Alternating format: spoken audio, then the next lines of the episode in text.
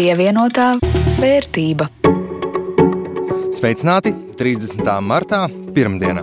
Ēterā raidījums pievienotā vērtība. Studijā Rudīts Pakausks no Latvijas televīzijas. Un Jānis Ramāns no Latvijas radio. Šodien raidījumā mērīsim temperatūru.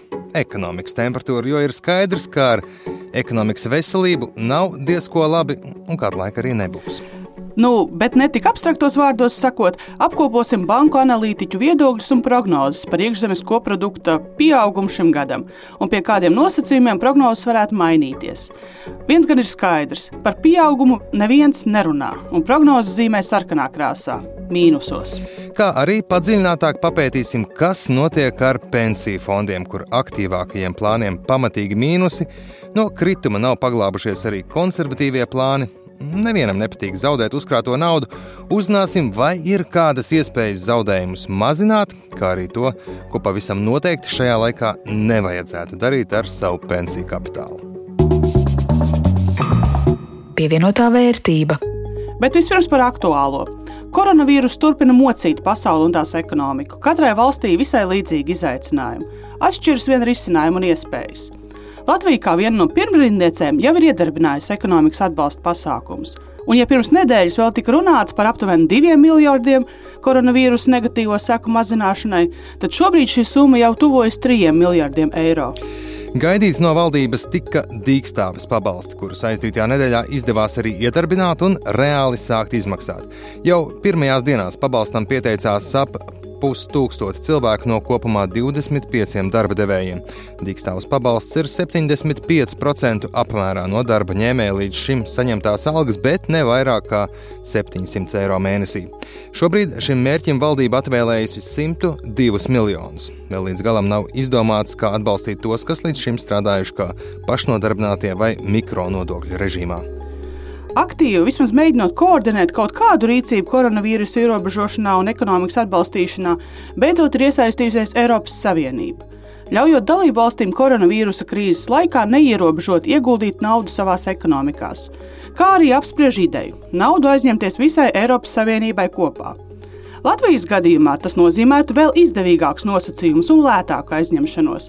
Nu, bet, piemēram, Vācijai šī solidaritātes ideja nu, diezko pie sirds neiet, jo kā spēcīga ekonomika tā naudu vienatnē egoistiski varētu aizņemties vēl par kripatiņu lētāk. Eiropas centrālā banka aicina komercbankas nopietni un atbildīgi gatavoties krīzei un sagatavoties arī potenciāliem zaudējumiem. Tām kredīti iestādēm, kuras ir tiešā Eiropas centrālās bankas uzraudzībā, līdz šī gada oktobrim ir aizliegts izmaksāt dividendus saviem akcionāriem, kā arī jebkādā citā veidā apiet šos ierobežojumus, piemēram, atpērkot savas akcijas vai citādi viltīgi izdaroties.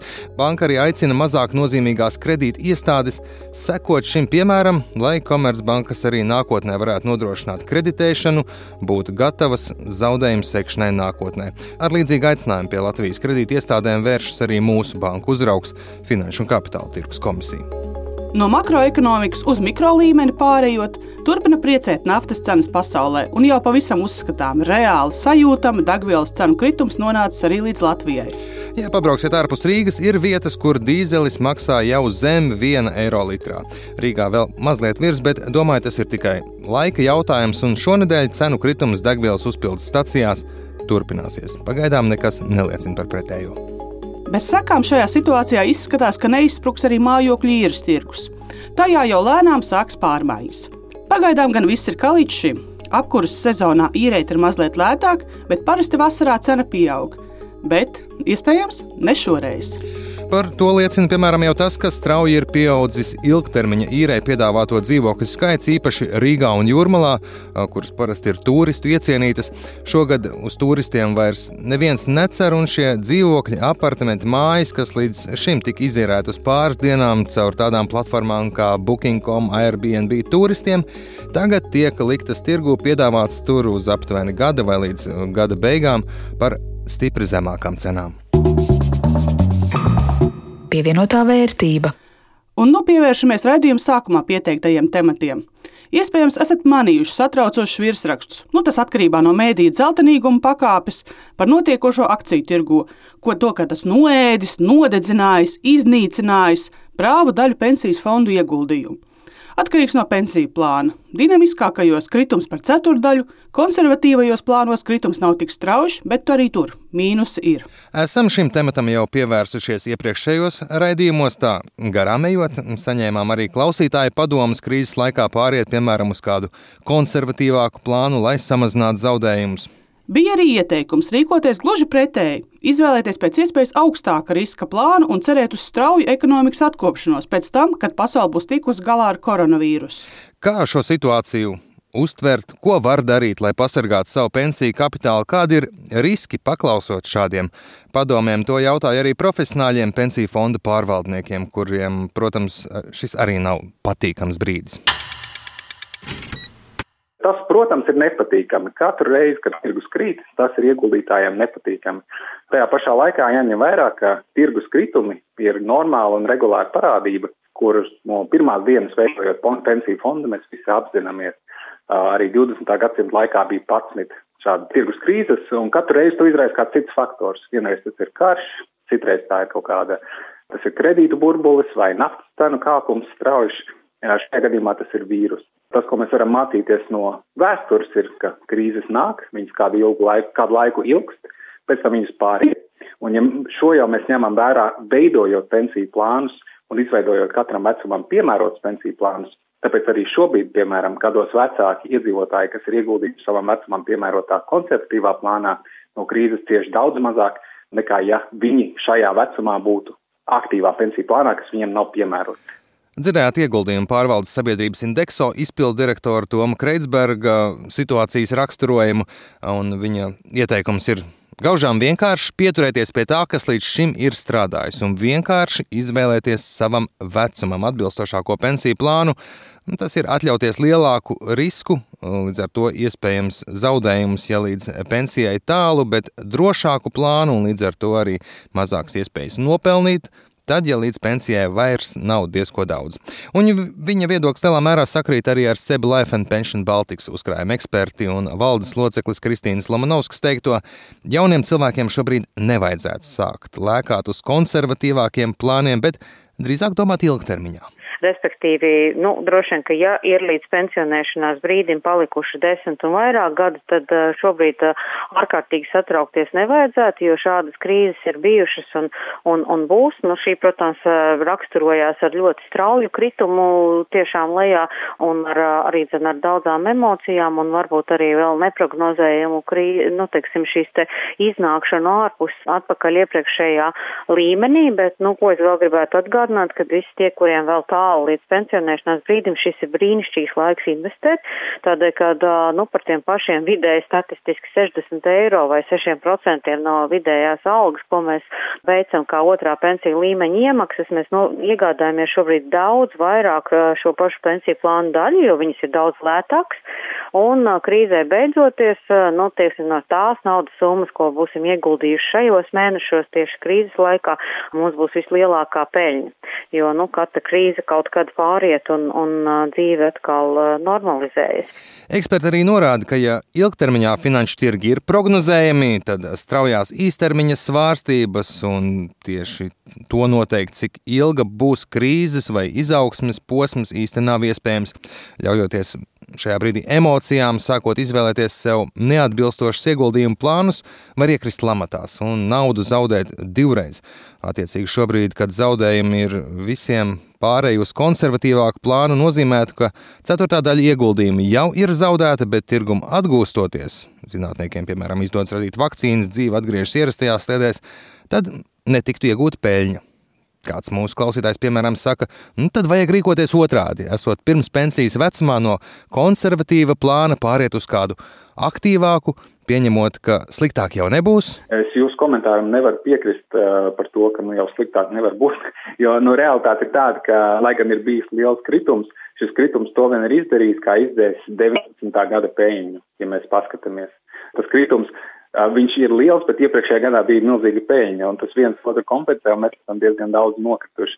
Bet īstermiņā tirgus var atkopties, un tirgus var arī mēnešus vai pat vairākus gadus turpināt krist. Tas nav izslēdzams. Sociālajos tīklos parādās arī ideja, ka valdībai vajadzētu aktīvi rīkoties un gluži kā 2008. gada krīzes laikā obligātās iemaksas pensiju otrajā līmenī vienkārši apturēt, ar domu tādu, lai nauda uzreiz nezaudē vērtību līdz brīdim, kad situācija uzlabojas. Tas ir visaplamākais, ko var darīt, tiešām visaplamākais un visnosodamākais, jo tādā veidā mēs nu, savā ziņā aplaupīsim paši sevi, jo šobrīd veicot šīs iemaksas, kā jau es minēju, mēs iegādājamies e, plānu daļas ar ļoti lielu atlaidi. Un ja mēs tagad uh, mazinām, teiksim, šīs te iemaksas, tad mēs attiecīgi mazinām nu, to naudas apjomu, kurš varētu nopelnīt uh, eventuāli pēc gada diviem vislielāko peļņas daļu. Ir sarēķināts arī tas, cik izmaksāja godmaņa tā laika lēmums Latvijas nākotnes pensionāri šajā laikā, kamēr iemaksas bija apturētas, nenopelnīja aptuveni 100 miljonus eiro. Un vienlaiks arī jāsaprot, ka tolaik tas nebija lēmums ar domu pasargāt cilvēku, pensiju kapitālu no vērtības sarukuma, bet gan tāds vienkāršs veids, kā valdībai iegūt naudu, par kuru sek daudzās krīzes vajadzības. Tagad valsts var naudu aizņemties daudz izdevīgāk, to laik neaizdeva, un šobrīd valsts jau to dara, jau aizņemās naudu par izdevīgiem procentiem, bet ja ir vajadzīga kāda valdības aktīva rīcība, tāda būtu nepieciešama tiem cilvēkiem, kuri pensionējas tieši tagad, krīzes brīdī tiem cilvēkiem, kuriem burtiski ir šajā gadā jāpensionējās, tomēr atļaut viņiem pēc viņu izvēles varbūt neizņemt naudu vēl no otrā līmeņa kapitāla un ļaut viņam atgūties, tā teikt, pēc krīzes atgūt iepriekšējo apmēru. Man liekas, tas ir ļoti būtiski, lai būtu cilvēkiem šī izvēles iespēja, lai nav tikai tā, ka, nu, mēs esam krīzes zemākajā punktā, ir pienācis pensionēšanās laiks un ir obligāti šī nauda jāņem ārā. Nu, kad ir arī šī izvēles iespēja viņu paturēt mazliet sistēmā un nogādāt nogaidīt, kad krīze pāries. Ministru kabinetā šī ideja jau ir pavīdējusi. Protams, krīzes laikā šobrīd nav skaidrs, cik ātri un kā tā varētu tikt īstenota dzīvē. Pievienotā vērtība. Un raidījuma noslēgumā mērīsim temperatūru. Ir skaidrs, ka pasaules ekonomika ir slima ar vīrusu. Daudz eksperti tagad skatās, domā, mēģina saprast, cik daudz laika prasīs atvesaļošanās un cik pēc tam rehabilitācija. Savā ziņā Ir tā, ka prognožu izteikšana tagad ir kā stāvēt pie uguns pārņemtas mājas, skatīties, kā strādā ugunsdzēsēji, un tad gudri izteikt prognozi par to, cik daudz no ēkas sadegs, cik daudz uh, cilvēkus iedzīvotājus no tās mediķi izglābs, un cik ilgā laikā pēc tam vietā tiks uzsliegta jauna skaista būve. Situācija Latvijā un pasaulē šobrīd mainās strauji, un nolēmām sarīkot tādas nelielas sacensības starp Latvijas vadošo banku analītiķiem. Katra mēneša beigās apkopojot to prognozes par šī gada iekšzemes koproduktu izmaiņām, un tad gada beigās palūkoties, kurš tad bijis visprecīzākais. Atcerēsimies, ka gada sākot ekonomikas izaugsme tika lēsta 2,6% apmērā ar pluszīmi. Latvijas bankas prognozes tagad ir būtiski mainīta un IKP kritums prognozēts par 6,5%. Turpinājumā dzirdēsim Svetbankas, Luminor, Citadelas un Sembbankas vadošo ekspertu prognozes nekas nav īsti skaidrs, un arī nevienam ir gribās būt tam galvenajam slikto ziņu izplatītājam. Bet skaidrs, ka būs mīnusi, un šobrīd, jā, ienāk papildus informācija tiek saprasts labāk, kas notiek. Šobrīd tas vērtējums būtu tā, mīnus desmit šim gadam. Tad ļoti konkrēti prognozi šobrīd, protams, ir uh, ārkārtīgi grūti iedot, jo skaidrs, ka tā situācija gan, gan pie mums, gan pasaulē ļoti dinamiski attīstās. Noseikt tev kaut kur starp 5 un 10 procentu IKP kritums varētu būt. Mūsu skatījums pēdējās dienās ir kļuvis tikai negatīvāks, un šobrīd mēs sagaidām, ka iekšzemes koprodukts šogad kritīsies par aptuveni 7%. Negatīvā scenārija rezultātā tas varētu būt pat mīnus 15%.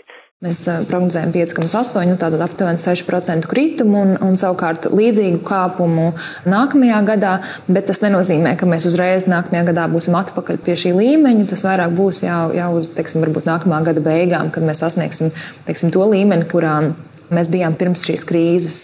Tādas lūk, gan optimistiskas, gan pesimistiskākas prognozes. Viens gan visām ir kopīgs. Visas šī brīža prognozes paredz tādu kā vēlamo scenāriju. To, ka līdz Jāņiem vismaz Latvijā vīruss ir ierobežots un dzīve var sākt atgriezties ierastajā ritmā. Ja tā nenotiek, tad tā aina jau zīmējas stipri drūmākās krāsās.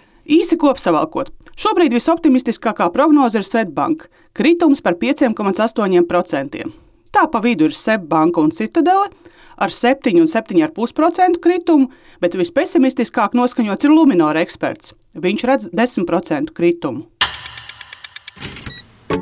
Ar to arī skan šīs nedēļas raidījums par ekonomiku, pievienotā vērtība. Šo un arī citus mūsu raidījumus jūs varat atrast un noklausīties arī Apple un Google podkastos.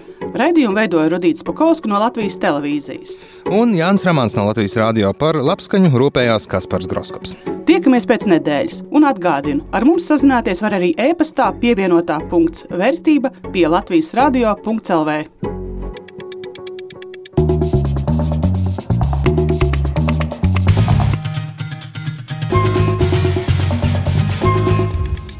pievienotā vērtība.